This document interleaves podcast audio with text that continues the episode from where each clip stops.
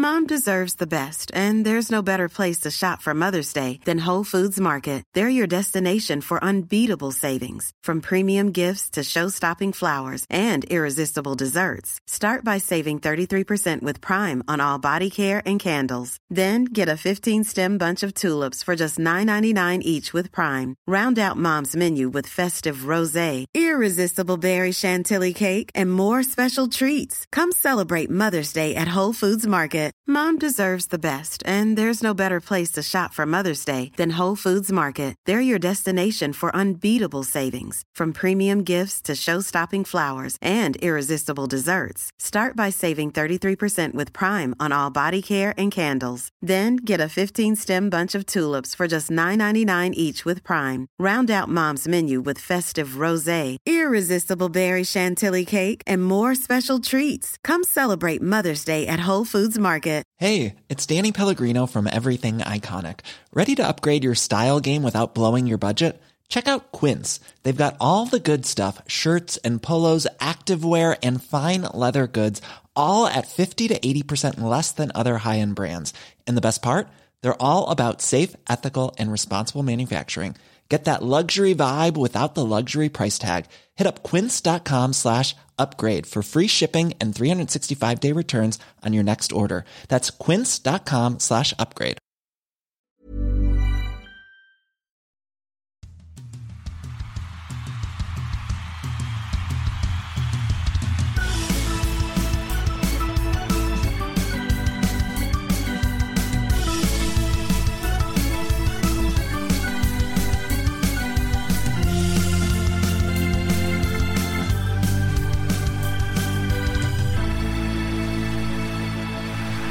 Hjärtligt välkomna ska ni vara till ett nytt avsnitt av Ringside. Vi är alla tre på plats eh, på samma ställe efter gårdagens match i Gävle mellan Brynäs och Djurgården. Eh, vi befinner oss på eh, Clarion Hotel i Uppsala. Men först och främst Fredrik, vi tog oss ju hit ja. med världens bästa ja. bilchaufför. Nej men och bara att, att liksom gå, åka från A till B känns som en framgång efter ja men det är inte ens en vecka sedan jag fick uppleva en fantastisk bilresa eh, från Sverigeresan kallar vi den nu Ja, det ger mig nya upplevelser. Vi ska alltså åka, eh, av olika skäl bodde vi i Växjö, skulle göra Kalmar-Nybro. Det är en resa på ja, 1.20-1.30 kanske för normala bilförare. Världens bästa siktar på timmen. Eh, dit gick det undan, det gick bra. Hem på kvällen i mörker och jag ska först ge han credit för att sen hugga. Eh, han hade liksom lite eh, mumsigheter som han bjöd på i bilen. Eh, Kajsa Kalmeus och Stefan Klemets i baksätet, jag fram. Eh, det går fort, eh, det är musik, det är varm känsla, eh, ända till jag känner att det är någonting som skaver. Vi har liksom inte kommit till, vi har inte passerat Nybro än. Eh, och då tittar jag på telefonen och ser att vi är alltså närmare Polen än Växjö. Vi är nästan i, i Karlskrona vill jag påstå. Innan, eh, eh, och den, alltså reaktionen, det borstade av sig lite. Sen åkte vi de minsta vägar som finns genom Småland för att till slut komma ut någonstans i Emmaboda. Fram kom vi, tillbaks till hotellet kom vi, och men en omväg. Så jag, vi nämner det här mest bara för att ta ner Dagen lite grann på jorden. Ja, det är kul att ni har gaddat ihop er. Ni har varit borta några veckor från podden. Ja, då sitter ni här Snacka skit! Ja, men det, jag vill bara säga så här. Går före fall. Till och med? Jag säger så här, det är lite mitt fel, men mycket släpper jag faktiskt på Fredrik, Tina Turner, Söderström. Så här, när man sitter och kör bil, och man har någon i framsätet som sitter så här, det är en bil där. Ja, jag ser det Fredrik, jag ser att det är en bil där. Du ska svänga höger här. Då tänkte jag så här, när jag åker från Kalmar, tänker jag, Fredrik kommer ju peka vart vi ska, för jag känner ju honom, han har ju kontrollbehov. Så jag tar på mig lite, jag hade dukat upp med en bra buffé, men Ja, det gick lite fort där, men en kvart missade vi på det, tiden. Ja, den kan vi diskutera vidare vad det men som jag fick förklarat så var ni alltså, ni, ni var ju exakt på samma resa som Tony Rickardsson var på det här talet via, via Robert Gustafsson. Ja men vi åkte där, färjan över Polen, eh, Danmark. Maja, Maja Vurpa, Vurpa bacon. Stefan Klemets, han älskar ju baksätet när vi åker de här små vägarna. Han satt ju och kommenterade bakom Eriksson kommer in i kurvan lätt där, kommer över. Så, du vet, det gick ju fort på de här små vägarna. Han hade jobbat Monte Carlo-rallyt mm. helgen innan, så att han var uppvärmd. Men, någon som blev riktigt gubbgrinig är våran kollega Fredrik Söderström, men jag såg i blicken på han, det här uppskattar han inte att vi Men åkte lite fel. Tidigt tågresa hem morgonen efter, ska igenom hela jävla landet med tåg. Då vill man komma till hotellrummet och sen har man en vansinnigt självgod chaufför som bara gasar åt fel håll. Och till saken hör, innan vi stänger det, du hade ju åkt den här vägen några dagar innan. Ja, Ja. jag åker Och ganska kan inte ofta. ens hitta tillbaks. Ja. Nej. Så att, Jag var, jag var Ja. uppumpad av att Försök jag hade bjudit på bärs. här, du. Jag hade bjudit på bärs och lite chips och lite sådär, upplägget var bra. Och det var ju samma igår grabbar, ni fick ju ölkorv, Ja, bärs. ja det, det, var, det var fin leverans igår ska sägas men dock, men eh, det är ju tacksam att hacka på när du kör, när du kör fel. Eh, Jag släpper det. det här, men jag säger så här, Eh. jag tar på mig hela ansvaret. Fredrik, jag Ja, gör det det. var- det, det tog vuxet några minuter, men nu är vi där, då är jag nöjd, då kan vi gå vidare. Ja, jag är eh, med betryck, eh, intrycket från gårdagens match mellan Brynäs och Djurgården. Jag vi, vi brukar oftast vilja börja där vi var på onsdagen. Eh, och jag eh, tyckte ändå att det var två relativt vuxna hockeylag under stora delar av den där matchen. Framförallt så tycker jag att det var Kändes ju som att det var motsatsen till det Niklas Hjelstedt sa inför matchen. Han sa att det var en serielunksmatch. Det var det då fan i mig inte. Det var, det var en häftig match eh, och jag tror att det var väldigt många som uppskattade matchen. För mig var det en försmak på vad som komma skall. För mig var det ett intryck av två topplag som eh, kanske inte fick ut 100% av sina eh, lag igår. Eh, men tillräckligt mycket för att man skulle stå emot motståndare. Det där är ju ett spel som man ska ta i beaktan också. Eh, sen ska jag bara säga Lars, det Hjellstedt sa, det Holmqvist sa. Det är nästan sånt man får lära sig på den eh, livslånga resan, tränarutbildningen. Att man ska tona ner och man ska eh, släppa fokus och man ska, ja, du förstår. Jo men det, det, förstår ju jag också och alla att man liksom måste eh, hantera. Och för det var ju Mikael Holmqvist inne på också att problemet för de här lagen har ju varit under säsongen att den sån här match kan de såklart tagga till till.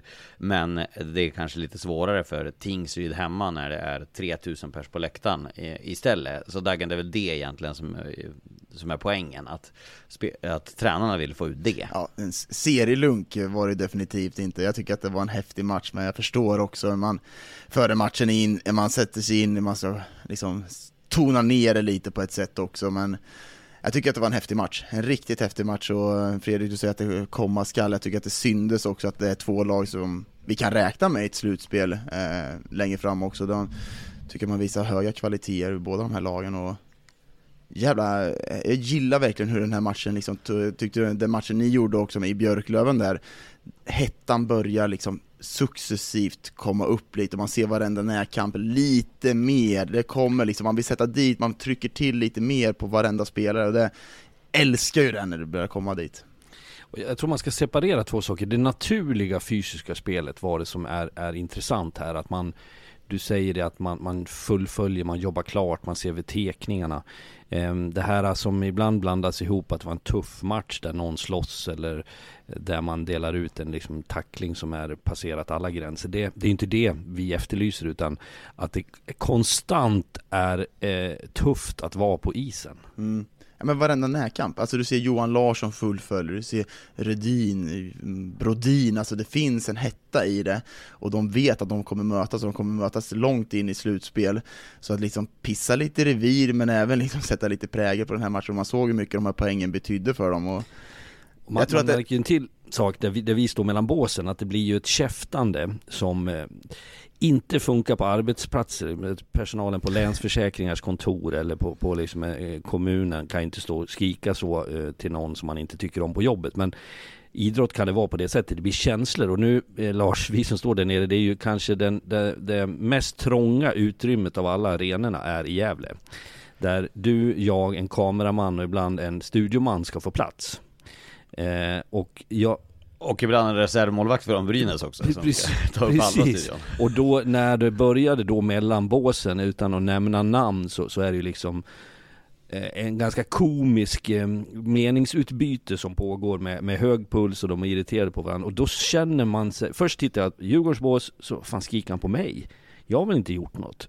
Och så tittar man över i Brynäs bås, då står en jävel och blänger på mig och säger någonting Men innan man liksom inser att fan, det, är inte, det är inte mig de skriker på, det är på varann Så får man liksom försöka dra in magen och sträcka på sig så att rösterna ska smita förbi. Det där är ett skådespel som är rätt fascinerande. Det är ett tecken på att allvaret börjar komma när man retar upp sig på varann Jag kan ju säga så här, man känner sig inte som en hjärnforskare ibland när man tänker efter vad man har suttit och skrikit mellan båsen heller. Man Nej, det är inte den klassen. Men du då är det ju mycket. Du då? Du är så jävla dålig, du då, du är så jävla dålig. Man, mär, man märker ju att du, allt Dagen, du hade ju, du hade ju gått för, i förväg där, för du i Karlskoga stod ju du liksom på mittplan Du Mm. hade ju tre egna meter eh, in i tv-studion redan då. Så du var, hade ju bara en och en halv meter kvar till motståndarbåset Dagen är ju den på TV4 som har ätit sig in på jobbet på ett mest bokstavligt talat sätt. Han stod där redan när han spelade och, och i domarbranschen också, börjar tjata mig till en domarplats här hela tiden så jag var på två sidor när jag spelade också.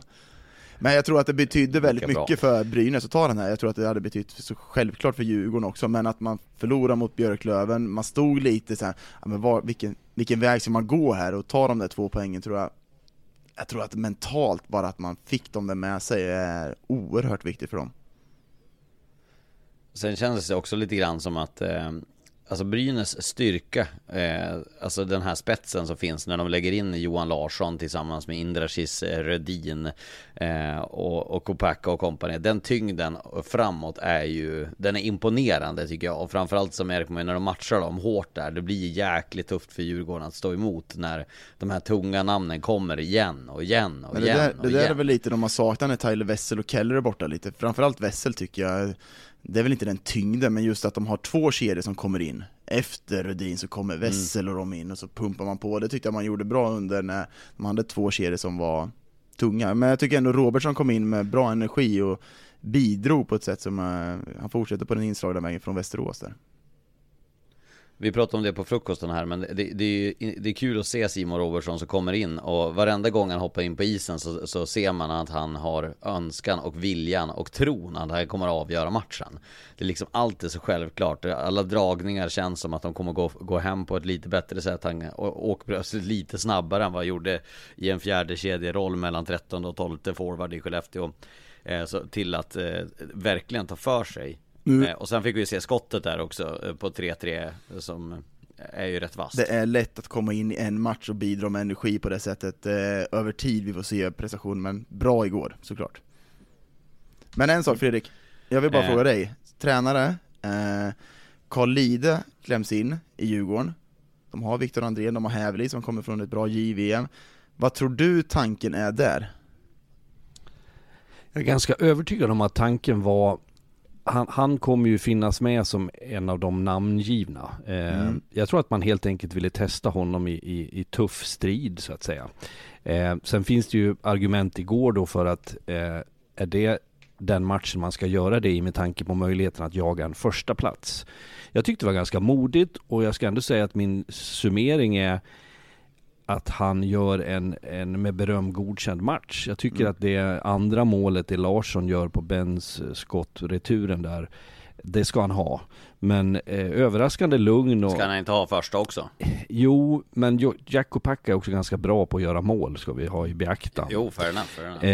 Eh, men, men för all del, eh, men jag, jag, jag tror att det är liksom ett tankesättet att pröva och det, och det tycker jag är ganska uppfriskande och ganska modigt av Djurgården att göra. Då vet man lite mer var man har honom. Sen finns det säkert de som tänker, vad gör det med Hävelids eh, psyke? Ja men han har spelat ett JVM mitt upp i allting. Om han får en, en day off och, och det kommuniceras, pratas med honom på rätt sätt från Fredrik Mikkos sida till exempel. Så jag tror inte det är någon big deal. Det var mer i ögonfallande för omgivningen. Ja men det är väl eh, också att man inte kanske är riktigt bekväma med de målvakterna man har. Kan man hitta en högre prestation på Lide så kommer man ju ställa honom också inför slutspel. Så det var ju ett test igår, om man klarar det. Så, Ja men det får man väl ändå se det, att det var ett test, så här, ko- kolla vad han går för. Eh, Som Fredrik var inne på. Ja men för du hämtar ju liksom inte någon från eh, Sergels torg säger "Fan, kan du stoppa en puck? Vi testar det utan det det är såklart det finns grunder till det och att det är en strategi och inte bara en, en tombola. Jag tycker det var eh, häftigt att se första perioden. Eh, nu blir det två helt olika andra perioder, den andra och tredje. Men eh, alltså Djurgården eh, blir liksom kompakta, det du pratade om Fredrik. Eh, du sa ju några nycklar där för, för Brynäs då. Först då att eh, de ska vara tajta defensivt och rejäla och sätta press på Brynäs backar för att få till misstagen. Och det var ju exakt det de gjorde i den första perioden, Apropå det, det tyckte jag var roligt när Hjälstedt kommer till studion efter och säger, vi pratade om att Djurgården då fick med sig utvisningar och gjorde mål och då säger Hjälstedt med sin här dialekten där att ja, vad fan, vi såg ju det på tvn innan matchen och så får de utvisningar och gör två mål. Då blir vi full i skratt och tänker att är vi så långt in så vi penetrerar omklädningsrummet med information? Men ja, jag tycker att de sakerna som vi ställde frågor kring, rent generellt inför matchen igår, eh, vi som jobbar med den och säkert många som tittar på den, fick en del bra svar, Sen tror jag fortfarande, ska jag säga, mitt uppe i den här som vi säger att det är en bra match och två, två topplag, att, att det finns några, de är lite konfunderade. Jag tror inte något av lagen liksom kände att det var en optimal prestation, att man fick matchen exakt dit man ville. Det tror jag inte. Ja. Det är ju två riktigt bra lag, så det är ju svårt att få den liksom väga över, men jag är också frågan liksom med, med, med Brynäs där, om man kollar på backsidan, vi pratade mycket om Jordi Ben igår, liksom hur man använder sig av den för att få ut max av den. Jag tycker man har ganska problem. Igår förlorade man kampen ganska många gånger framför den här heta ytan och framförallt kampen in mot mål.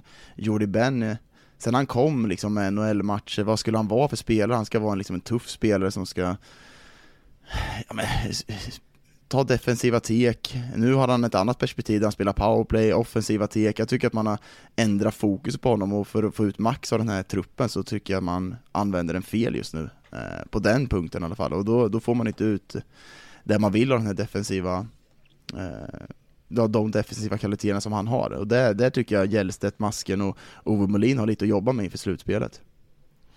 Till deras försvar ska jag säga så här att, att eh, generellt när vi Eh, påpekar saker som är, han, man använder en spelare i en sån roll.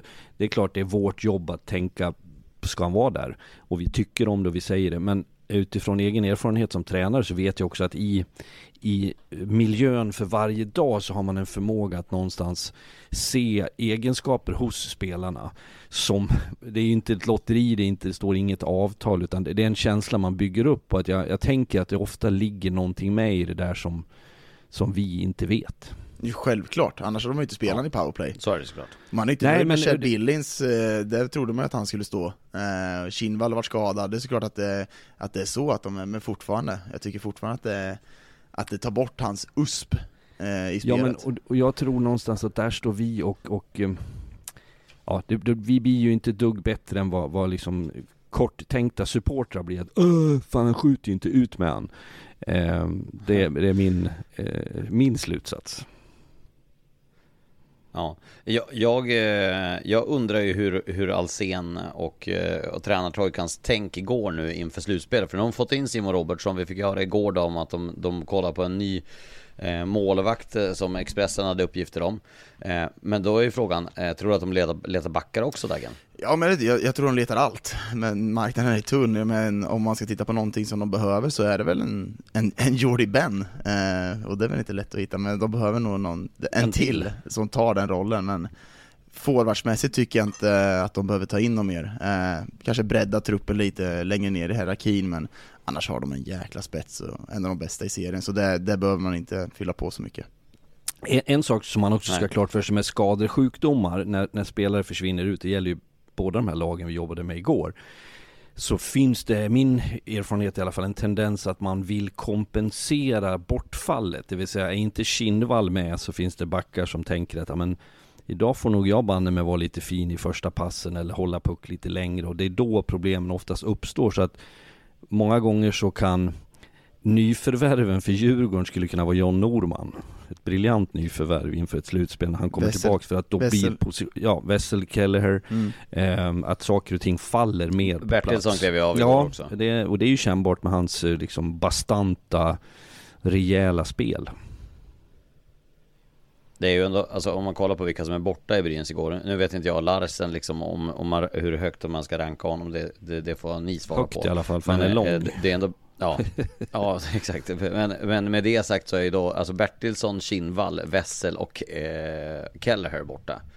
Utöver Larsen, så det är ju, det är fem Och- rätt och bra spelare. Sen har ju, vi vet att Djurgården har haft det hela Ja, ja, säsongen men också. bara för att säga en sak med Kelleher som, som är en favorit hos mig. Eh, för att hans, hans eh, oerhörda litenhet gör det offensiva spelet så oberäkneligt. Han har en grym förmåga att liksom skapa och, och vrida och vända på ett fascinerande sätt.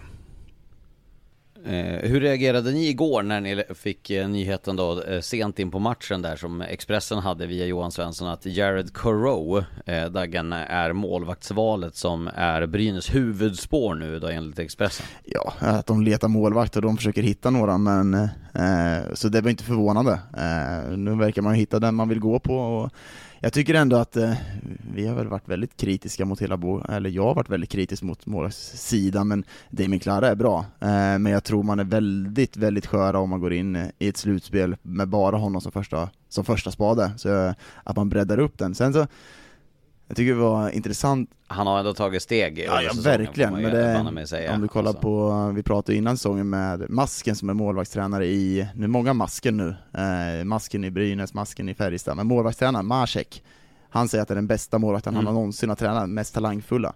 Så eh, får man träff på honom så klart att han kommer bra, men jag tror fortfarande att de är ganska sårbara eh, om man ställer en Damien Klara i ett slutspel, därför breddar man upp och det, det är inget chockerande, men det får vi se om man håller den högsta nivån. Jag ska inte ljuga här i poddandet och säga att jag har full koll på eh, den som eh, Brynäs påstås jaga då aktivt. Eh, men om man tittar på liksom passera 30, man har 20 matcher eller vad det var i NHL. Eh, jag gissar att man har varit och AHL mycket på det, att, att man har med sina kanaler, sin scouting, sina kontakter, agenter liksom jobbat på en viss nivå eh, så får man tänka att det att det bör vara ett, ett, ett bra namn. Men jag tror å andra sidan inte att man ska förvänta sig att någon jag tror man tänker fel om man tror att man värvar frälsare rent generellt. Mm.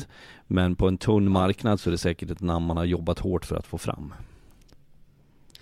Det, det roligaste, nu, här kan vi faktiskt ge en unik inblick till folk som inte eh, var på matchen eller de som var på matchen och som vill höra en unik inblick. För vad vi kunde lä- läsa ut Fredrik var ju en reaktion från Brynäs-spelarna som gjorde att de visste inte om det här. För när det här kom upp på bilden på våra skärmar som står där mellan båsen så kunde man liksom se spelare på värvningen som åkte så här så bara Ja, det, det är ju re, bara, rep "What?" för oss ska ju sägas. Vi, inte vi ligger liksom Ja. inte ute. Eh, En repetition. Ja, eh, så, men ja, eh, var det Indra sist? Det var ju flera som åkte förbi där och bara så här läste, var så här, vem, vad, vad står det för namn liksom och blev nyfikna.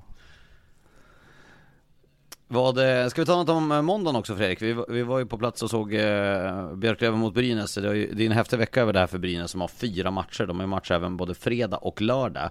Eh, och Björklöven är ett, ett väldigt, väldigt eh, intryckt i ett hörn på hemmaplan efter att ha vunnit två av de tio senaste hemmamatcherna. Och, och dessutom nu börjar ju, eh, som vi pratade med Anders Blomberg, eh, VDn i en av pauserna, börjar ju faktiskt eh, publiksiffran publiksiffrorna att svikta en del i Umeå också, vilket kanske är förståeligt. Men vad, vad lärde vi oss i måndags? Men jag, jag nöjer mig med att recensera insatsen i den matchen som var eh, gott betyg vad gäller Björklöven. Jag tyckte att man var väldigt eh, fokuserade och skärpta. Vi märkte intervjuer och samtal, eh, jag smög runt i katakomberna redan på morgonen i samband med värmningen där så jag tror liksom att man har, sla, man har studsat i backen eh, och ibland är det ju lika bra att du når det för att du ska få till en förändring. Att de har haft skarpa ord, de har haft eh, liksom ryggen mot repet och jag tyckte konsekvensen var eh, svarta ögon, prioriteringar som var rätt, man släpper inte till situationer på samma sätt, man är effektiv på lägena, man har en mycket, mycket bra forecheck som jobbar fram chanser igen ska jag säga, mot Brynäs.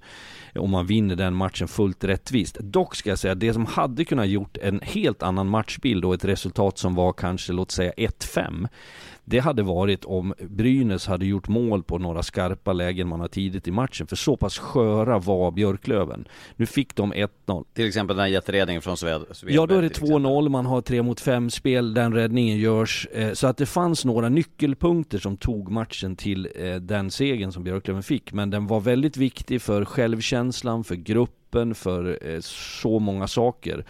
Eh, och eh, för Brynäs del, kort bara, det var en ganska usel insats. Det såg vi på, på Johan Larsson, vi märkte det på Niklas Hjellstedt och det fanns många indikationer på att de var inte alls nöjda med den. Så att eh, det kan hända eh, alla lag, det hände Brynäs då.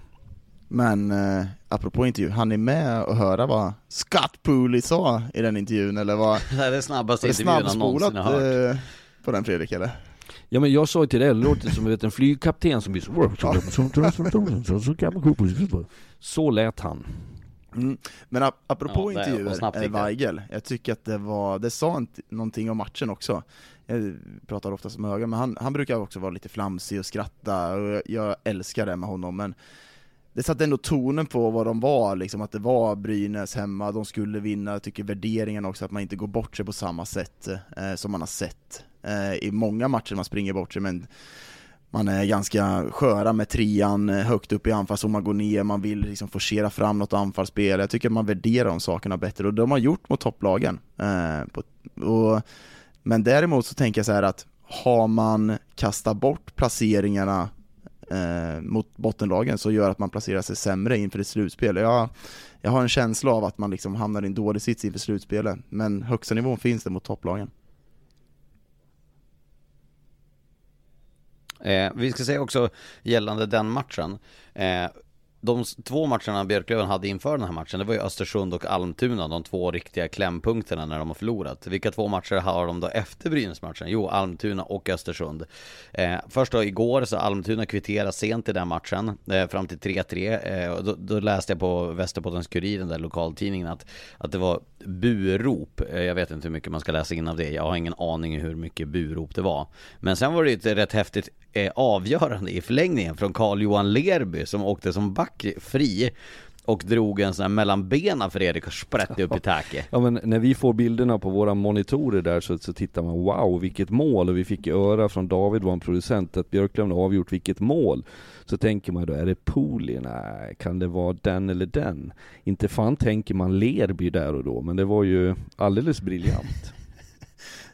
Men de har ju satt sig i en ganska bra eh, situation också målvaktsmässigt. Eh, Sveber har ju ändå visat jäkligt bra kvaliteter i de här matcherna också, så sen eh, Voutilainen kommer tillbaka här och är på is och de sitter i en väldigt god sits där.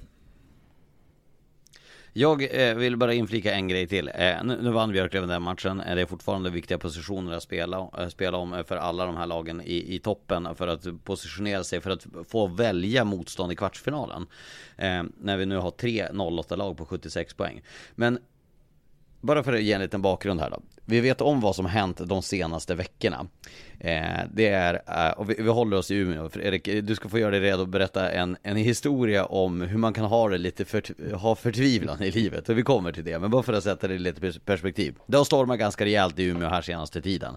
Eh, efter förlusten mot Almtuna och Östersund inför Brynäs-matchen så var det ju, eh, jag, jag hävdar att det var eh, en rejäl press på Viktor Stråle och på Per Kente och, och har varit det under en tid. Det har varit liksom ett, ett eh, upptrissat tonläge från deras fans. Eh, det märkte ju du Fredrik, liksom, du blev utskälld på hotellfrukosten att, att det är någonting som är så dåligt direkt man ska hämta bagaget på flygplatsen när det är någon som, ja det är så dåligt bla bla bla.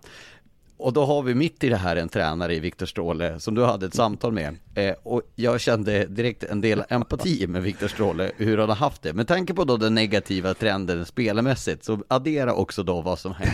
Eh, utöver hockeyn för Viktor Stråle så kan man ju faktiskt känna Ja, men, och det här var ju, ska ju sägas, i, innan matchen mellan Brynäs och Björklöven i Gävle för en och en halv vecka sedan så eh, satt jag och Stefan Klemet som var där och jobbade med matchen in och pratade med Björklöven-tränarna. Vi säger det också för tydlighetens skull att i den mån vi har tid och kan och tillgänglighet finns så besöker ju vi som jobbar med matcherna eh, bägge lagens tränare och får lite senaste nytt och sådär. Men då mm, hade vi gått en tid så vi satt och pratade och sen hade en Brynäs representant faktiskt överlämnat en present till Viktor Stråle som då har eh, blivit pappa för första gången. Eh, barnet kom lite för tidigt eh, och det här var ju då i början på januari som barnet hade kommit, sen har de haft en tung fas eh, och eh, ni är småbarnsföräldrar, jag ser hur ni ser ut ibland eh, och jag vet att, eh, kan bara ana hur eh, trött eh, man kan vara.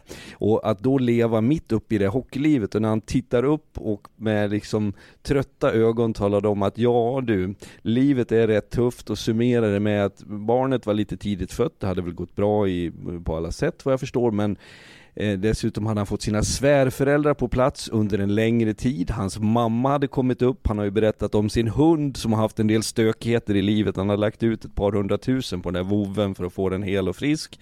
Ett barn som säkerligen inte sover när man vill sova. En sambo då, en mamma som har slitit under nio månader och dessutom får ta ett väldigt stort ansvar. Och som lök på laxen så förlorar man i ett lag som ut. är liksom hårt ansatt av supportrar och fans. Så att han, någonstans tror han njöt av att sitta i ett omklädningsrum i Gävle, långt bort från morsan, svärföräldrar, hunden, sambon och ett skrikande barn.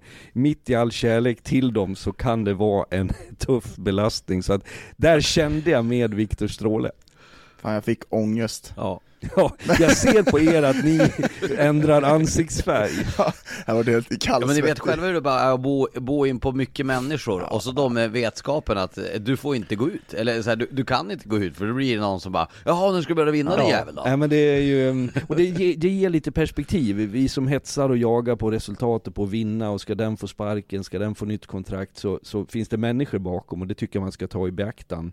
Eh, precis som det var för att säga det, Brynäs sportchef Johan Alsen fick för sitt andra barn och i samband med det jag läste att hans sambo hade själv eh, skrivit om det på några sociala medier och jag kände till det för jag pratade med Johan om det, att det hade blivit komplikationer efter födseln.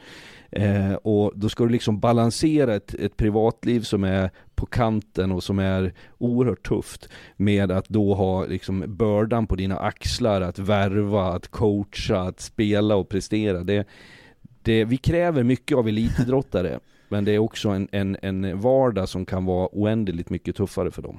Jag spelar med Christian Karlsson, ja. han spelar otroligt många matcher i Karlskoga och Hockeyallsvenskan. Han fick Malte, heter barnet, och hade kolik. Jag kommer ihåg han somnade, så han satt på bussen, somnade, sen sov han hela vägen, varje bortamatch, och så gick vi av bussen och bara, äh, låt han sova lite till, och sen så fick vi spela matchen. Men det, det, det, där är... och det vet jag, när man reste med lag så var det ofta så, dela rum ville de här eh, jag tror att det var Osk eh, Arsi Pispanen i Oskarshamn och Daniel Ljungqvist skulle alltid bo ihop och jag tänkte, som är de så bra polare? Men sen kom det fram att de hade liksom tre barn vardera. Det här var deras chans att sova, att få vila. De sprang upp på rummet och la sig liksom för att sova ut så att eh, man ska förstå att det ser lite olika ut. Ja.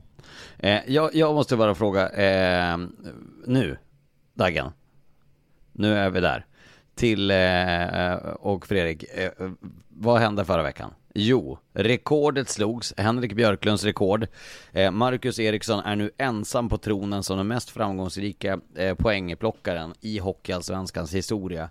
Och i en podd om Hockeyallsvenskan förtjänar det här luft under vingarna. För vilken karriär Marcus Eriksson har haft och som han har präglat den här ligan de mm. senaste 20 åren, eller på att säga. Ja, det, är, det, jävligt imponerande och just att han har gjort det, jag säger inget ont om Vita Hästen, men att han har gjort det i det laget som inte har varit i, i toppen alla år och liksom att dominera och verkligen burit fram en hel förening helt själv och sen nu få toppa det med att spela jag ska inte säga att han spelar sin livshockey, men han är nästan där. Han har ju en bättre omgivning och får spela med bättre spelare, men han är, det ser ut som han njuter. Och den här karriären kommer fortsätta många år till tror jag, för att han har den där den där glöden som jag ser på äldre spelare som verkligen kan spela den här lite längre och det, det ser man i Marcus Eriksson. Det som eh, tilltalar mig är ju mm, det annorlunda med honom, det avvikande, det aviga, alltså att han, han bryter mönster, han eh, har ett sätt att agera i sin skridskoåkning som inte är som de andra, han har den där långa klubban. Eh, det tycker jag liksom är en färgklick för, för hockeyn. Eh, att han sen i miljön, alltså i Södertälje, har armbågat sig fram till att ha en så pass ledande position vid den åldern och att komma in i ett nytt lag efter lång tid på samma ställe. Det, det finns så många faktorer som gör det här spännande. Sen är det just som vi alla pratar om, uthålligheten, att vara så bra över tid någon säsong här och där, kanske slarvigt uttryckt av mig, så kan någon vara ruskigt bra. De kan vi ju hitta. Som vi ser att 2012, 13 så var det en som var jättebra, men kommer vi ihåg honom? Knappt. Men det här är liksom år efter år mm. konstant och Mom deserves the best, and there's no better place to shop for Mother's Day than Whole Foods Market. They're your destination for unbeatable savings, from premium gifts to show-stopping flowers and irresistible desserts. Start by saving 33% with Prime on all body care and candles. Then get a 15-stem bunch of tulips for just $9.99 each with Prime. Round out Mom's menu with festive rosé, irresistible berry chantilly cake, and more special treats. Come celebrate Mother's Day at Whole Foods Market. Burrow is a furniture company known for timeless design and thoughtful construction and free shipping, and that extends to their outdoor collection.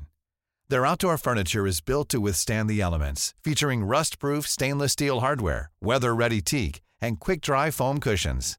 For Memorial Day, get 15% off your Burrow purchase at burrow.com slash ACAST and up to 25% off outdoor.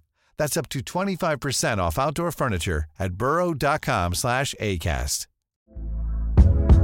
Hey there, it's Michelle Norris. I'm host of a podcast called Your Mama's Kitchen. When I travel, I'm usually looking for a way to find a taste of home when I'm not at home. And one of the things I love to do when I am at home is entertain. And Airbnb allows me to do that. When I was in California recently, I rented a house that had a great kitchen. And when we were sitting around the table, we we're all thinking, we're in someone else's house. Someone could be in all of our homes as well. If you have a home, but you're not always at home, you have an Airbnb. Your home might be worth more than you think. Find out how much at airbnb.com slash host. Det kittlar för honom att prestera och leverera. Sen behöver vi inte spekulera i hans framtid och mer, för det, det har vi redan gjort, utan vi konstaterar mer över tid och historien med honom är, är fin. Vi går eh, nu till Nybro tycker jag, för i Nybro händer det saker eh, där man eh, skickat ut Maxim Gollo. Det har hänt mer saker i Nybro. De vann med 6-1 mot Mora igår till exempel och vi ska komma till det. Men Daggen, vad, vad, är det som händer i Nybro? Nu fick de ju i alla fall vinna, men Gollo-affären, det är såklart att det har ju väckt uppmärksamhet. Ja, eh, jag tror väl att de Ja, men Gollod är en spelare som är eh, spektakulär på många sätt, men jag tror att han har, eller jag vet att han har väldigt, väldigt problem att sätta sig in i ett system och jag tror att det har varit väldigt huvudbry för Tommy Samuelsson att tjata på den här spelaren. Vi hade Fredrik, eh, eh, vi var nere i Kalmar och såg matchen där. Alltså, Gollod gör spektakulära saker men han tappar pucken på fel ställen och jag tror att man har tjatat. Vi har hört mycket att det har varit problem utanför med tjafs mot tränare, lite bråk i båset så jag var inte förvånad över att den här nyheten kom med Golod. Eh, jag trodde den skulle komma innan, jag tänkte att en sån som Alex Tarn skulle kanske vara kvar lite längre än vad Golod var, eh, det vi har hört och fått in och det man ser på isen också, men ja, förvånad, ja det är en bra spelare men eh, det är fortfarande någon som jag tror att Tommy Samuelsson och Nyberg har fått jobba med under en säsong, så det är nog ganska skönt att han försvinner för dem. Jag tror Tommy genom så många år som spelare och tränare har haft många trallgökar som man inte kanske kommer överens med. Sen ska jag säga en sak som är viktig att nå fram med. Att det är, jag pratar för mig själv nu, men jag har alltid uppskattat de som är lite annorlunda, som som driver mig till vansinne ibland men som ändå levererar. Det är, det är en konst att kunna hantera det jag tror säkert att, att eh, Nybro har gjort det med Tommy i spetsen på ett bra sätt men man, sen kommer man till en punkt där man känner att det här dränerar kanske gruppen på energi, det blir stökigare i båset och är då inte utdelningen eh, absolut maximal så kan det vara bättre att komma fram till att ja, men då klipper vi här och att det helt enkelt inte var passande. Så att jag tror inte att det är mer dramatiskt än så men Sen blir ju kommunikationen av det och vi människor söker ju alltid saker bakom rubrikerna. Att har han strypt eh, grannens katt? Har han liksom backat över Tommy Samuelssons eh, trunk? Vad har han gjort? Och det kanske inte är svårare än att de helt enkelt har gnabbat på varandra om man tycker att nu enough is enough. Mm. Den stora nyheten i Nybro kommer ju annars ut på tisdag nu att eh, sportchefen Rasmus Aro som har varit i klubben i olika benämningar sedan 2016 eh, som fick ett, eh, ett fint eh, tifo från fansen igår också eh, lämnar som sportchef. Eh, om vi börjar med Rasmus Aro, vad, vad, tänker ni om det att han, han faktiskt lämnar? Ja, men tufft för Nybro. Jag tycker att han har, eller han har gjort ett eh, fantastiskt arbete och verkligen byggt upp en bra organisation, så det är tufft tapp för dem eh, inför den här sluttampen. Men var sak har sin tid och eh, Nybro som förening tror jag måste gå vidare också, men Rasmus Ara har gjort ett väldigt, väldigt bra jobb. Mm.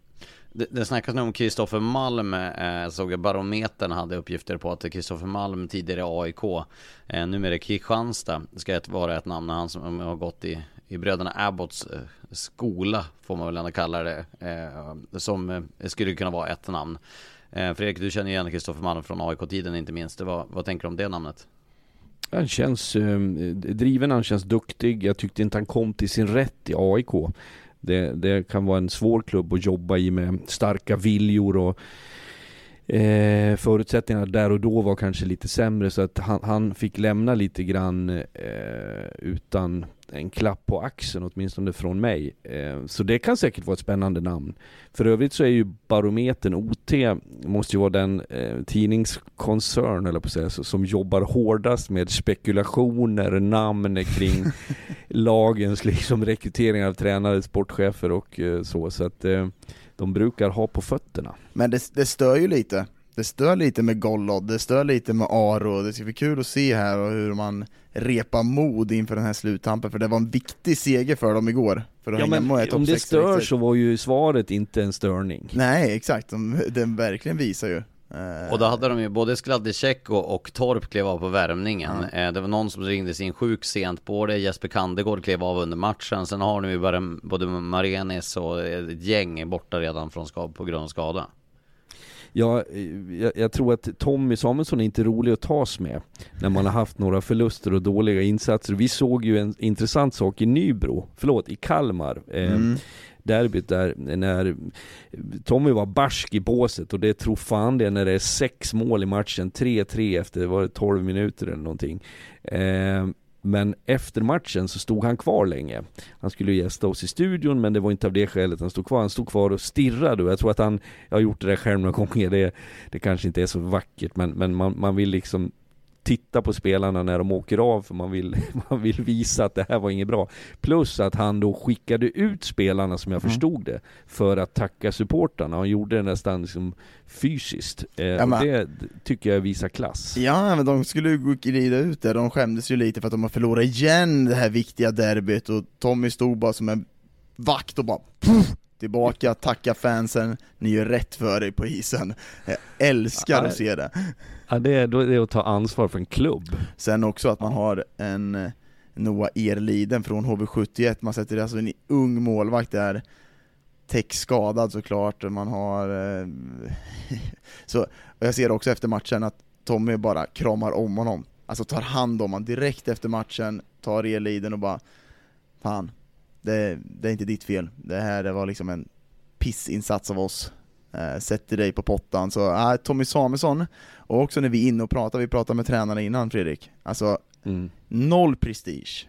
Kommer mm. in, alltså det är, ja, det är en älskvärd människa och vilken jäkla coach över tid vi har i svensk hockey. Ja men och det är ju därför han är en stor, en av våra absolut främsta tränare och hockeypersonligheter genom tiderna. Det, det fanar såklart i skuggan av NHL-namn och så, men om, om, man tänker bredden på det han har gjort, på uppdragen han har tagit sig an och på sättet han för sig. Jag tycker han är det bästa exemplet på vad en ödmjuk människa får med sig, eh, mm. även på ett sportsligt plan.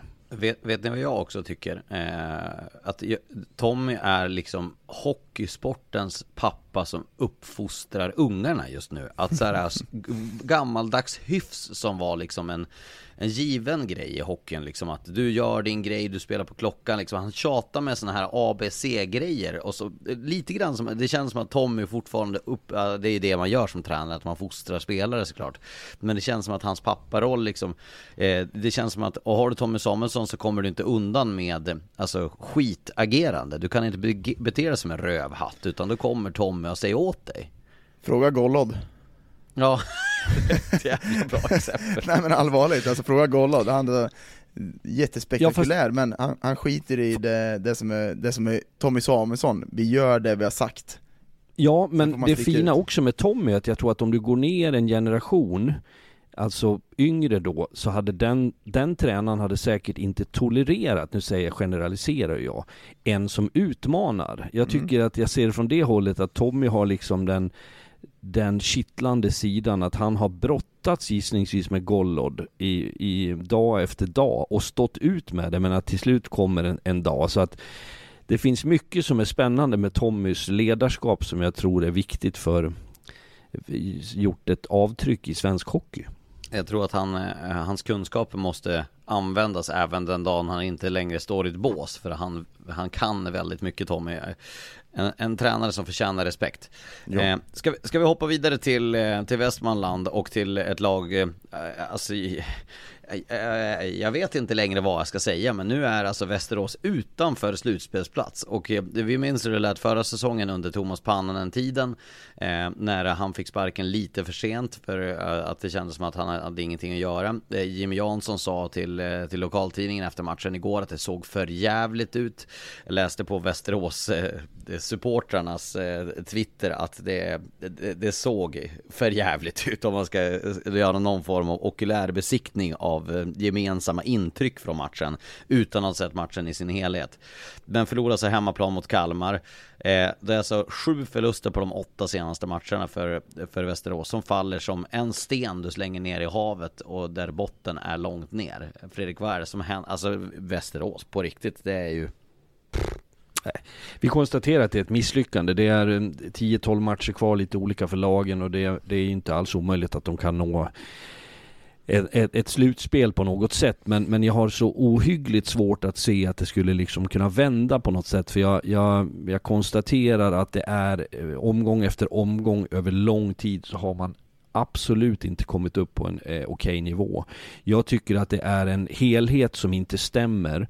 Jag tycker inte att det har varit målvaktsspel som har vunnit matcher åt dem med Hallonen. Jag tycker inte att de här importerna har landat väl i ett sätt att spela på. Jag upprepar saker vi har pratat om en längre tid, men försvarsspelet som jag vet att Karl Helmersson jag ska inte klistra det på honom och säga att han är liksom enbart defensivt eh, intresserad, men att han har haft en prioritering kring det som jag kan förstå. Det har man inte lyckats med. Jag tycker inte att man kommunicerar ut eh, sitt resonemang på ett sätt som gör att man får förståelse hos supportrar och eh, hos övriga, utan det känns tomt, det känns svagt och det är helt utan någon form av identitet. Jag tycker inte man åker runt och smäller på och spelar tufft. Jag tycker inte man bröstar upp sig och tar kampen. Jag, jag ser någon gång är det är Gersic som gör ett hattring en dag och sen är det Topping som är några veckor före det. Men det är så här små punktinsatser som inte leder någon vart och det, det måste ju vara ett misslyckande med svansföringen som man har. Ja, och vad är planen? Vad är planen med lagbygget? Alltså vad är Niklas Johanssons plan? De har satt in massa individer och kastat in dem i en grupp och tillsammans med Karl som har sitt perspektiv och jag säger så här om man väljer nu att arbetsbefria Karl och, och Örjan på, på ett sätt, det kan säkert bli bättre på kortsiktigt att man vinner Men några hur matcher. många gånger kan man dra det Jo men jag, kortet jag menar det, lugn, lugn. Man, man, man liksom tar det här kortet igen. Men det är fortfarande en förening som du måste ta en omvärldsanalys. Det här har vi sett med HV, vi har sett det med Djurgården, varför man åker ur SHL. Alltså man har tur nu att Västervik och Östersund är så pass långt efter, för annars hade Västerås varit där nere, och då hade det blivit ännu mer panik. Så om man sparkar och väljer att gå den här vägen, vad är vägen fram för föreningen? Man måste kolla på allting. Hur drivs fysträning? Hur drivs juniorsidan? Hur drivs ungdomssidan? Alltså det räcker inte med att bara ta ett kort och slänga bort några tränare igen, för det är en förening som är jag vet inte vart man är på väg riktigt och jag har inte full insyn, men det är många år nu man har misslyckats med de här sakerna och det är en snygg plan, man gör väldigt bra på marknadssidan med den här SHL-satsningen, men vad ska den här föreningen ta vägen? För det räcker inte med att bara ta bort några tränare och sen tro att det ska bli bra på sikt. De måste börja tänka långsiktigt och göra en omvärldsanalys. Vad ska vi gå fram? För mig är det en fråga om förtroende, en en egenskap som eh, människor och klubbar och företag och samhällen kan ha. Det är Som man ju förtjänar. exakt dit jag ska leda det till. Att, att prata Eh, är en sak, att leverera är något helt annat. Och jag ska vara klar och tydlig med att jag inte hade förväntat mig att Västerås skulle vara etta, tvåa, trea, men att man ska vara med bland topp sex i förhållande till vad jag och vi hör hur mycket pengar man drar in. Uppenbarligen finns det ju ett genuint intresse för hockey i Västerås och låt mig säga en sak väldigt tydligt. Jag gottar mig aldrig, aldrig någonsin åt klubbar som inte lyckas. Det finns inget, inget drivkraft i mig att, att skratta åt andras eländen. Så att jag ser ju istället potentialen i Västerås. Allt ifrån det geografiska läget till, till storleken på staden, till, till passionen som många supportrar verkar visa, till många västeråsare jag känner och har träffat på. Så borde det vara möjligt att bygga någonting som inte är så skört som det har varit de senaste mm. åren. Och du touchar vid det lite grann Dagen, den här de här snabba riktningsförändringarna, att nu gör vi si, eller jaha nu kommer den in, då blir det så. Det slutar sällan lyckligt. Nej, det vi kan landa plan. i är att all framgång kommer av ordning och reda, mm. samspelta människor, en tydlig plan och en ödmjuk framtoning. Ja. Och där har man misslyckats i Västerås, det får vi lov att konstatera. Ja, ja verkligen. Och eh, eh, som sagt, vad är planen? Vad är planen framåt? Eh, ska Niklas Johansson leda och bara kasta in, det känns precis som det här lagbygget har varit som om bara kasta in saker och bara hoppas på det bästa. Och över tid så har Västerås successivt hamnat i det här och det, det gäller verkligen att ta tag i det nu. För det räcker inte med att bara ta bort en tränare eller ta bort någon spelare. Eh, jag ska slänga med en fundering som jag haft ett tag, som jag har, har stött och blött. Eh, nu, får ni gärna lyssna här hur jag tänker. För dessutom står ju Västerås inför ett enormt problem dessutom, som, som jag tror att kommer bli en verklighet eh, ganska snart. Så här är det, att eh, min tes är så här, att om du kollar på eh, eh, medelstora städer i Sverige som är 100 000, eh, alltså plus minus lite grann. Alltså jag tänker på de här städerna som är bakom liksom Uppsala och, och några sådana större städer. Eh, typ Örebro, lite mindre någonstans där. Eh, typ Västerås, eh, Linköping, eh, Umeå, Sundsvall eh, och så vidare och så vidare. Eh, så så jag, när man för, hör sig runt liksom med folk som jobbar i sådana städer med marknadssidor och så vidare så ser de det att det är väldigt svårt för eh, en marknad i en sån stad att driva två eh, högt etablerade elitföreningar. Att liksom det, det, är svårt att genomföra det, att man har två stora giganter som slåss. Nu har Västerås ett fotbollsallsvenskt lag som ska spela i fotbollsallsvenskan i sommar. Vad tror ni det kommer innebära för Västerås IK när de nästa höst ska börja sälja sin reklam, sin sponsring, när eh, det är ett allsvenskt lag, så ponera att de skulle göra en dundersuccé i år. Vad kommer företagen att se? Vart är våran exponeringsyta större? På ett succélag i fotbollsallsvenskan? Eller ett lag som har en noll identitet i Hockeyallsvenskan i princip, förutom en väldigt stark fan, eh, fanbase, för det vidhåller jag att Västerås har. Men vad, vad, tänker du om den tanken? Eh, Glöm alltså... inte bandyn också. De har ja, bandyn exakt. precis men, men, bredvid. Bandyn visst, men, men mm. no offense mot det, men alltså alls, fotboll och hockey är så mycket större sporter liksom i intresse i en stad, liksom hur mycket det kan locka eh, publikmässigt tänker jag. Eh. Nej men det här är ju, det är precis den här SHL-satsningen de har haft, det är en jättebra plan för att driva in på marknadssidan. Att man har en tydlighet, alltså det här ska vi ha in, det här måste vi göra, men vad är nästa steg? Det är alltså SHL i år. Och som du säger, konkurrensen, Västerås går upp i fotbollsallsvenskan, du har bandyn som ligger bredvid, det kommer bli tuffare, för som företagare också tittar man också, men vad är planen? Vad är planen nu då? Vad ska ni göra? Ska ni bara kasta in de här små punktinsatserna och göra det bättre? Det funkar inte så. Sen tror jag dessutom en konsekvens blir att, vilket jag tycker jag ser när Västerås spelar nu, att de blir ju såklart kantstötta och tilltufsade av man blir ju bedrövad, det tror jag vi ska vara tydliga med att säga också att jag tror inte att du har spelare eller ledare i Västerås som är nöjd med det här. De mår skit. Om vi gnäller, om supportrarna gnäller så det är ingenting mot hur man känner sig som spelare och ledare när man inte levererar. Och det blir ju aldrig bättre av att bli mindre försiktigare och ängsligare. Så att det blir ju en ond spiral som man skulle behöva bryta. Och jag tror att det är över för den här säsongens möjligheter om vi nu säger att det finns ju egentligen, om vi, om vi hårdrar det så finns det en framgång i Hockeyallsvenskan och det är att ta klivet upp. Om mm. jag spetsar till det. Det är inte sannolikt vad gäller Västerås. De kan återupprätta lite heder de sista 10-12 matcherna, absolut. De skulle kunna jävlas en kort tid i ett slutspel, mycket möjligt. Men helheten är inte tillräckligt bra och de har förtroendet har naggats i kanten duktigt. Och därför så blir det oerhört viktig vår. Och, och du pratar Lars om, om den här konkurrensen med VSK till exempel. Den är ju inte, det är inte höst man säljer reklam eller avtal. Det har ju redan påbörjats och pågår. Och Mm. vad ger det då för någonting i slutändan eh, gentemot eh, sponsorerna redan nu? Det är tuffa tider. Ja. Nej, men, och, och som du säger, företagen eh, går ju sämre också med tanke på vilken, vilken eh, privatekonomi människor har. Att det liksom, folk har mindre pengar att tillgå. Eh, nej, eh, det vi slår under är att vi jag känner med Västerås-supportrarnas lidande som har varit senaste tiden För det är ju eh, det är resultat Men- som går käpprätt åt Det där du säger Fredrik också, hur du är som spelare och ledare i laget. Alltså jag kan säga den säsongen vi gick klappkast i Karlskoga, alltså jag tror jag har åldrades 10 år på en säsong.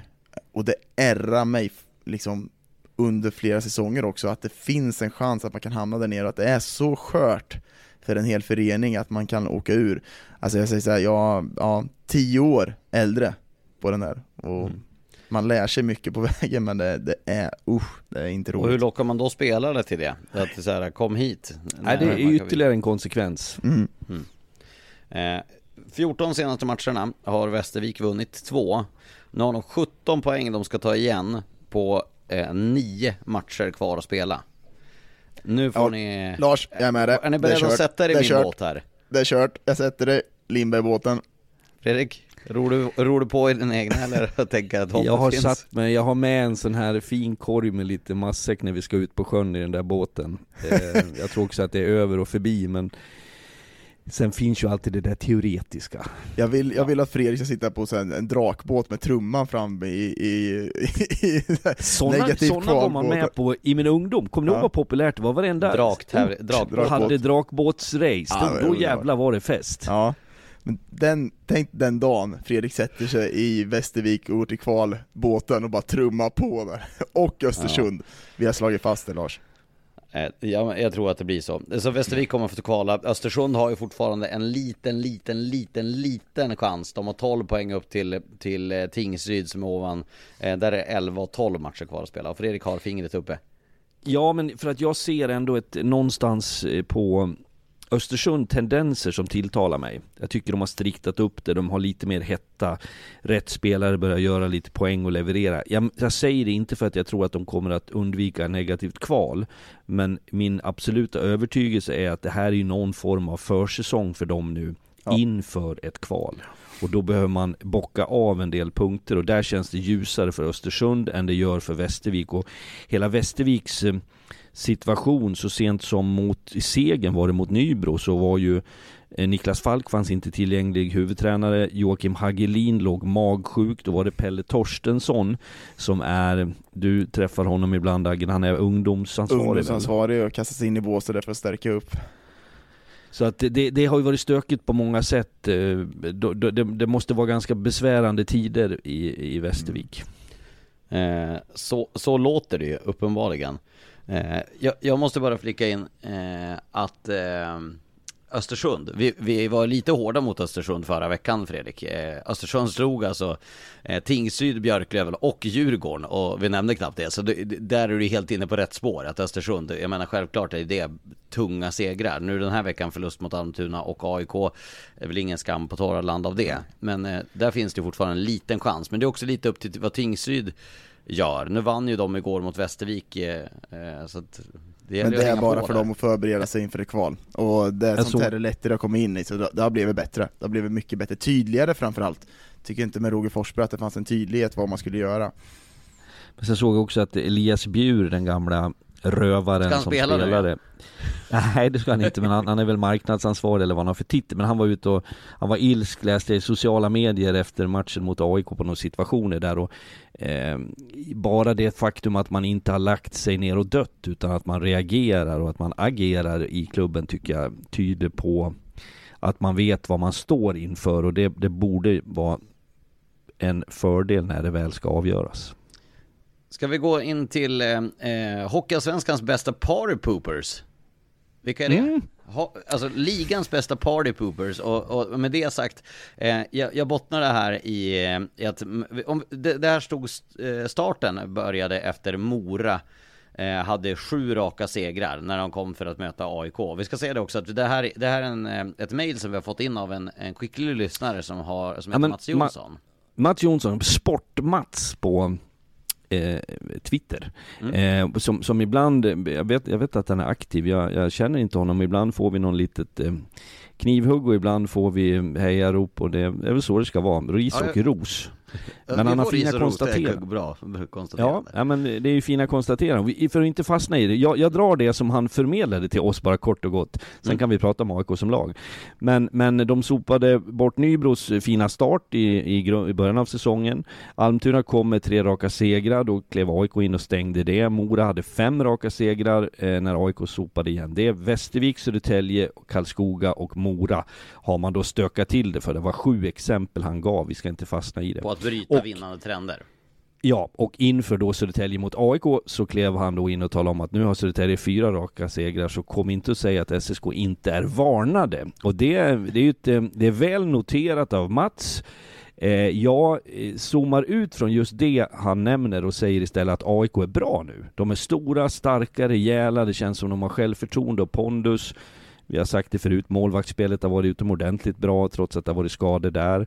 Man har haft folk borta och ändå gjort det eh, i mångt och mycket bra. Så att frågan är om inte AIK är en, ett, ett lite obehagligt motstånd för många lag, både nu och i ett slutspel. Det säger mig att de mår väldigt bra när Jake McGrew går in och gör 1 plus 1 också, vi har sett han i Västervik under hela, hela året och Jag såg åkningen igår Daggen, ja, det det, det fanns en backcheck och det har vi inte sett på hela året, inte då, då, då mår man bra när man kan få han och få igång en produktion där också. Så ja, de har gjort väldigt bra, Nik- Niklas Persson har gjort ett eh, fantastiskt jobb med, eh, med rekryteringen den här säsongen, med Juni in, målvakterna och Ja men de, de har fått ihop gruppen på ett bra sätt och Anton Blomqvist som vi var inne innan säsongen, få upp helheten på ett annat sätt har de verkligen fått, så de är med och räknar med. Får får jag fråga, det har ju de faktiskt inte fått tillräckligt med cred för att man har hittat eh, Bibå och eh, Norman. Mm. Alltså att snacka om dundersuccé på målvaktssidan. Eh, det måste man ju säga. Eh, jag, jag vet faktiskt inte, nu vet vi att Kontos kommer vara borta här resten av säsongen som jag förstod det. Men eh, jag har faktiskt, eh, jag ska erkänna, jag, jag har inte koll. Eh, jag vet faktiskt inte, hur är det med Fitzgerald? Inte, Har ni någon koll? inte en aning faktiskt. Vi lär få veta på fredag då, med tanke på att ni ska göra dem eh, mot Södertälje. Mm. Eh, men eh, en annan grej, eh, jag vet inte om jag nämnde det här förra veckan, men alltså hur sjukt är det att Rickard Gynge på två hemmamatcher mot Västervik har gjort 10 poäng? Alltså, det, alltså fem poäng per match. Det är ingenting låter som förvånar mig med honom längre, Nej, Eh, för han det är jävlar vad han älskar att göra mål. Jag, sen- säga vad man vill, men är inte det imponerande? Så Det är det, säg. det är det Så verkligen. är säg. Det är det. Eh, hörni, vad, vad, vad har vi med då? Ragnarsson nämnde vi knappt. Han har ju kommit in i, i Djurgården. Eh, satte ju en, en tackling igår som du blev irriterad på. Men vad säger ni med rekryteringen Ragnarsson in i Djurgården? Jag tänkte på en sak igår Lars, du sa till mig i studion en bit in i matchen, visst fan, Ragnarsson har jag glömt. Och det är precis så han ska spela. Mm. Alltså, han behöver inte vara ögonfallande, uppseendeväckande, onödigt kreativ. Jag tycker att han har en, en lågmäld roll som påvisar en viss skicklighet, så i den avsikten så är det en perfekt rekrytering av Djurgården. Mm. Men vad är inte perfekt eh, Daggan gällande Ragnarsson i Djurgården? Vad är inte perfekt där? Nummer 10, nummer 10. Jakob Ragnarsson tar på sig nummer 10. Kolla, nu suckar han det här, Söderström. det här, ska, jag Det här är viktigt det för oss Fredrik, det här är viktigt Fredrik, för oss. sitt, sitt och suckar då, men han ska inte ha nummer 10 Någon jävla tradition får vi ha kvar på det här. Då var, finns det de som säger, det finns inte många av dem har haft nummer 10 som har varit så himla bra. Nummer 10 är heligt, i alla sporter. Släpp den! Jakob Ragnarsson ska ha nummer 2, 3, 4 eller 5 Inget annat. Lägger man sådana där bröstvärmare, då ska man inte ha nummer 10. Nej Har du nämnt, det. någonsin sett, någonsin sett en nummer 10-spelare sätta en sån bröstvärmare? Bröstvärmare? Eh, har Robertsson bröstet i pannan eller? Ja, det fick jag. Åh, vilket... Det, det, det är faktiskt, det, vi pratade om, kanske var någon podd sen, vad, vad ord har betydelse. I hockeyvärlden säger man ju när man kliver upp sådär och sätter en tackling, oavsett vart den träffar eller hur den träffar, så säger man vilken bröstvärmare, jag slängde mig med det i sändningen igår. Åh vilken bröstvärmare! Och då tog det lite hus i helvetet på vissa brynäsare, och den tar i bröstet och sen åker upp mot ansiktet eller att visiret kommer. Man slänger, Fredrik du vet ju vad jag menar där? Ja, ja, ja, ja. Eh, det är lite roligt med det, för när det vart ju lite, tog ju lite tid efter eh, den situationen där, då eh, står ju vi där mellan båsen, så fick jag kontakt med Edvin Hammarlund i i Djurgården, jag sa för övrigt till Lars den, att jag skulle vilja ha Edvin Hammarlund som kompis, förstå mig rätt om jag hade varit i, i hans omgivning, för att han, han, han är så stor och skulle säkert kunna vara tuff, men han ser så väldigt snäll ut. Eh, Och så tittade han på mig, och för man vet att vi tittar på skärmar och sådär, och då sa jag till honom att ah, det är en saftig bröstvärmare, säger jag. Och då tittade han på mig, jag, jag vet inte om han är för ung för att eh, ha begreppet bröstvärmare klart för sig. Han tittar på mig ungefär som hur gammal är du egentligen? Eh, men du hade använt ordet, hörde jag i örat, så att jag förde det vidare ner, Ja. men jag förstår att folk då säger Han blöder ju för fan i pannan! Men det är fortfarande Men en det bra är tackling, bra, det är inte ja. en ful tackling. Eh, men sen, ord har betydelse, det har jag lärt mig under Ja, ett det är och ett halvt ja. år på jobbet här på TV4. En sista grej, eh, sen, ni, ni får se om ni har något mer, men jag har en grej till. Alltså Karlskoga hade alltså åtta raka segrar, nu har de fem raka förluster här. Det, det, det, det, det, är sjok, det är sjok. Jag ger er då, då eftersom du säger att har vi något kvar, då, då slänger jag upp de Ni lagen vill vi inte inte har säga nämnt. något om Karlskoga? Ja men Karlskoga har vi pratat relativt mycket om. Okej, bra. Då är det. Powerplay I funkar inte längre, gjorde och mål i igår. framgång. Eh, Och de är ju att räkna med, eller hur var det apropå ordets betydelse? Är de att räkna? Ja, Det jag slängde med, hängde med. Men de har ett powerplay som inte fungerar nu eh, under de här matcherna de har förlorat. De gjorde mål igår i powerplay, men eh, det är det som har varit edgen för dem. Men nu ger jag er en utmaning att vara kortfattad och inte bli långrandiga och jobbiga när jag frågar er Mora då? Mm. Ja, Brandsäck Nygård, eh, Expressen hade uppgifter om att han skulle till Skellefteå. Men, eh, ja, men Mora tycker jag fortfarande är stabila. Eh, alltså, de, är inte ett, jag tycker att Mora är, nu är jag hård där, men jag tycker att Mora är ligans sjätte bästa lag. Sveriges största smygare i hockeyn. Ja. Är det verkligen? Men du, Jag säger, fråga säg Filip, va? Kalmar. kort. Mm. Ja. Nu, nu ser jag att du varit lite sur, men vi måste ändå prata, du från Leksand. Arvid, hur uttalar man det? Ej. Elias, Elias. Hur är rivaliteten? Kan du bara lite bara, är det okej att gå från Leksand till Mora, Mora till Leksand? Vi har sett den flykten, men är det infekterat fortfarande, eller hur, hur ser det ut? Nej, och det rör ju upp känslor tveklöst. Mm. Nu tror jag att det är oftast de som gapar högst som vi hör. Det här är väl samma Skellefteå-Björklöven när Jakob Andersson nu lämnar, satt Mm. väl på ett plan med dig Lars i, i, så sent som igår. Ja, han ska Eh, till Slovakien där. Ja, men då slinker det liksom förbi någon kommentar som är Ja, det visste man att det aldrig skulle funka när han var i Skellefteå. Jag, jag tycker ju att vi har ett patetiskt resonemang. Jag ska vara försiktig med att, för jag kan inte supportervärlden. Jag har inte liksom fötts in i det, jag står inte på ståplats. Jag, men de har å andra sidan inte haft det perspektivet jag har. För för mig handlar det där om, om vad som är bra lösningar i Leksands fall. För du har ju Fred Nilsson också, backen, och du har Arvid Elias. Det är 45 minuter från Leksand. Mora har en eh, omtalat bra miljö där spelare blir bättre. De får spela tuffa, täta matcher. För Tjomme och Leksands IF så är det såklart ett bra sätt att förvalta spännande unga spelare, ge dem istid. Om det är i Mora, om det är i Västerås eller Almtuna. Man kan ju för det första inte diktera villkoren och säga nu ska ni ta de här två, utan det handlar ju om resonemang. Men det väcker känslor och retar människor, så mycket jag har förstått det. Ja, men det tack. Tack för det korta Jag håller, svaret. in, ja, jag håller inte med. Jag, jag håller såklart inte med. Jag, jag tycker Nej. att man ska respektera fansen att om, om, om, de, om de har en antagonist Leksand och det är Mora, låna av någon annan. Ja nu är, det, nu är det Mora, men det är Brynäs också till exempel då. Ja. Det beror på vem du frågar. den- den- ja exakt, men jag, jag, tycker att, jag tycker att sånt ska respekteras. Eh, Jag tycker, På bekostnad eh, av kom- unga spelares utvecklingsmöjligheter eller? de, kan, de kan spela någon annanstans. Ska Djurgården låna av AIK om Djurgården är i, i eh, SHL? Eller om AIK är i SHL ska de låna av Djurgården? Ja, jag, Nej, du, du kan jag säkert jag förstår slänga ur dig saker liksom. för att få stopp på det. Jag, jag tycker att du får ha sakligare resonemang. Ja, men jag, jag hävdar bara att liksom, vem är det som eh, betalar biljetter för det? Och, och för dem betyder det någonting, då tycker man ska respektera deras vilja. Och, och det här Så- handlar ju, eh, det här handlar I vilken utsträckning? Ja men att man får ha en, får ha en dialog. Om då fansen säger så här, ja men vi vill inte att ni lånar ut spelare till, till Mora, till Leksands fall, som de ju uppenbarligen har gjort med tanke på Daniel Ljunggren i historien och sådär. Då tycker jag att man ska respektera. Om det är en tillräckligt samlad unison eh, åsikt från fansen. Men är, är det det, då får du ju i sånt fall ta det via eh, medlemsmöten, årsmöten, Ja. tyckande av folk på sociala medier som uttrycker Nej, sig tycker jag inte, eh, på ett genant sätt. Nej men i det här fallet är ju det grejen. Jag har ju inte sett protestmarscher med flera tusen människor eh, till arenan, utan det här är ju gapande människor generellt sett. Jag menar att om man vill ha den eh, linjen i en förening, för jag är den första att säga att medlemmarna ska ha ett stort inflytande, men vi måste skilja på medlemmar, supportrar för all del generellt Det som, som många gör det med bra. Det håller jag helt Eller människor som, som drivs det av att liksom 100%. uttrycka sig dumt. Jag Känns som att det- jag kastar in en liten brandflagga. Nej men jag tycker att det är bra att diskutera den, Eh, för jag, jag Mm. håller med dig. Jag tycker att det, det är en fråga som man definitivt kan ta upp på ett medlemsmöte. Ska Mm. vi låna ut spelare till, ska Leksand låna ut spelare till Mora? Ja eller nej? Och så får medlemmarna bestämma det. Det tycker jag är en jättebra väg att gå.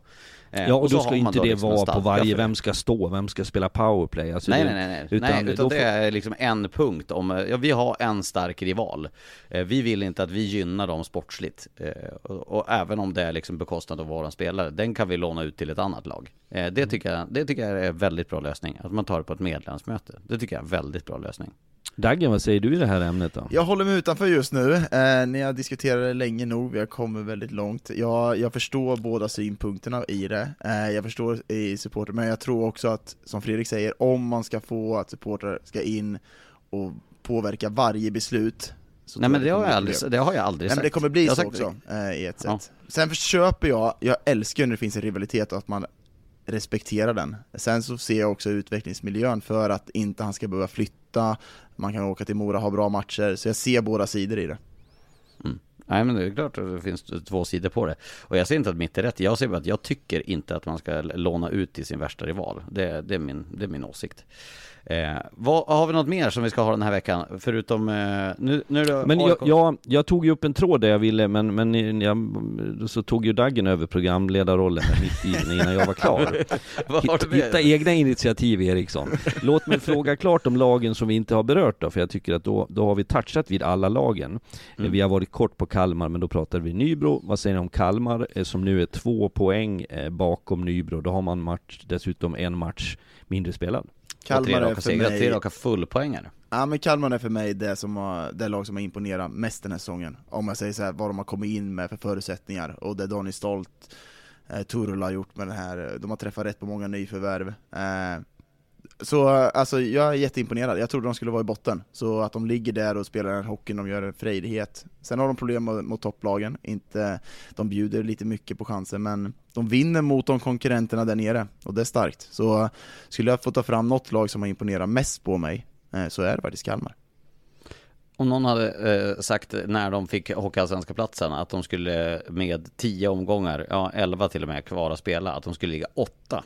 Nej. Då tror jag ganska många skakar på huvudet med tanke på vad de gick in i säsongen med, med för infallsvinklar.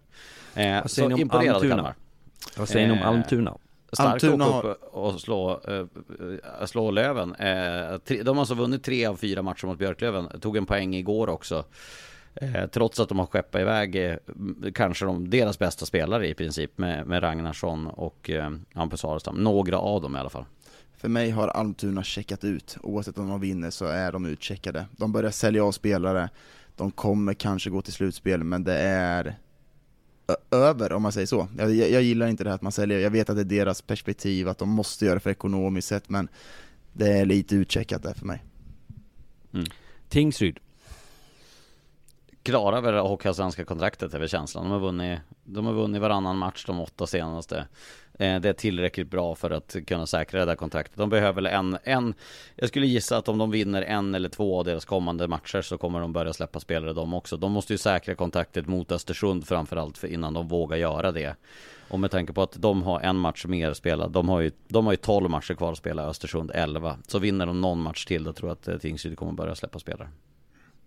Mm. Man Kalmar borta på fredag ska vi säga. Bork släppte de nu, uh, väntar väl bara på att Simon Åkerström ska åka antingen till HV eller till något av topplagen i, i uh, Hockeyallsvenskan så Ja, lite samma sits där som Almtuna. Jag tror att de har säkrat det kontraktet och då kommer de släppa spelare också. Det var alldeles va? Det var alla lagen. Det var alla dagen. Eh, då rullar vi vidare. Eh, bara en kort eh, insäljning Fredrik då av AIK Södertälje på fredagskvällen 18.30. Ja, att vi sa ju i början på veckan, eller jag sa till någon att på onsdag jobbar vi med ettan mot tvåan eh, och på fredag jobbar vi med trean mot fyran. Sen har vi det där unika det måste ju vara smått sensationellt att de tre 08 lagen då ligger på 76 poäng. Eh, det är Djurgården som har spelat en match mer än Södertälje AIK. Men alltså så högintressant och det kommer eh, vara prestige i det såklart. Det kommer vara väldigt viktiga poäng som står på spel när vi går mot allvaret. Så att en, en härlig hockeyfredag som eh, bara tar vid. Och sen känns det ju som när du rapporterade igår framgent matcher så nu är det inte eh, någon lunk, det är inte några ointressanta matcher utan det, det är högspännande. Får jag bara flika in, parallellt har du Mora som är ett av ligans absolut bästa hemmalag. Ni vet hur bra de är hemma senaste tiden. Som möter Brynäs också. Ponera att Mora skulle vinna den. Eh, så tajtar det till sig ännu mer. Eh, och Björklöven har då ett Östersund som, som kämpar för ett nytt hockeyallsvenskt kontrakt parallellt. Aj, vilket, det, det är kul att toppstriden faktiskt lever. För, det kittlar. Eh, det kittlar. Ja, det är några av strecken. Liksom, eh, lag 67, det lever inte jättemycket. Det är inte jättemycket liv mellan lag 12 och 13 heller. Så det känns som att vi behöver den här toppstriden för att grundserien ska, ska få den där hettan vi fick igår. Mm. Äh, härlig avslutning vi har på Hockeyallsvenskan. Och den känns oviss, om man säger så. Eh, oavsett hur, hur eh, bra Brynäs och Djurgården vi tyckte att de var så finns det fortfarande problem att se lite så att vi går in i den här slut tampen på serien, vem ska ta första platsen? den är öppen, vilka kommer gå upp? Vi ser inte den här klara, klara favoriten, alltså du vet jag känner verkligen att det börjar närma sig och jag älskar det. Guldgallret ska snart ut. Du, hörni, Fredrik, ovisst är ju våran framtid. Vi ska åka med Sveriges bästa bilchaufför nu igen, så att nu, nu är det ovisst här. Jag tar tåget, bara så att ni vet. Tack för den här veckan. Missa inte eh, eh, fredag kväll 18.30 så är det eh, Södertälje och AIK som drabbar samman i Hockeyallsvenskan och sen är det matcher även lördag. Tack för att ni har lyssnat. Ha en riktigt fin helg. Ciao! Mom deserves the best and there's no better place to shop for Mother's Day than Whole Foods Market. They're your destination for unbeatable savings, from premium gifts to show-stopping flowers and irresistible desserts. Start by saving 33% with Prime on all body care and candles. Then get a 15-stem bunch of tulips for just $9.99 each with Prime. Round out Mom's menu with festive rosé, irresistible berry chantilly cake, and more special treats. Come celebrate Mother's Day at Whole Foods Market. Hi, I'm Daniel, founder of Pretty Litter. Cats and cat owners deserve better than any old-fashioned litter. That's why I teamed up with scientists and veterinarians to create Pretty Litter. Its innovative crystal formula has superior odor control and weighs up to 80% less than clay litter. Pretty Litter even monitors health by changing colors to help detect early signs of potential illness. It's the world's smartest kitty litter. Go to prettylitter.com and use code ACAST for 20% off your first order and a free cat toy. Terms and conditions apply. See site for details. Mom deserves the best, and there's no better place to shop for Mother's Day than Whole Foods Market. They're your destination for unbeatable savings, from premium gifts to show-stopping flowers and irresistible desserts. Start by saving 33% with Prime on all body care and candles. Then get a 15-stem bunch of tulips for just $9.99 each with Prime. Round out Mom's menu with festive rosé, irresistible berry chantilly cake, and more special treats. Come celebrate Mother's Day at Whole Foods Market.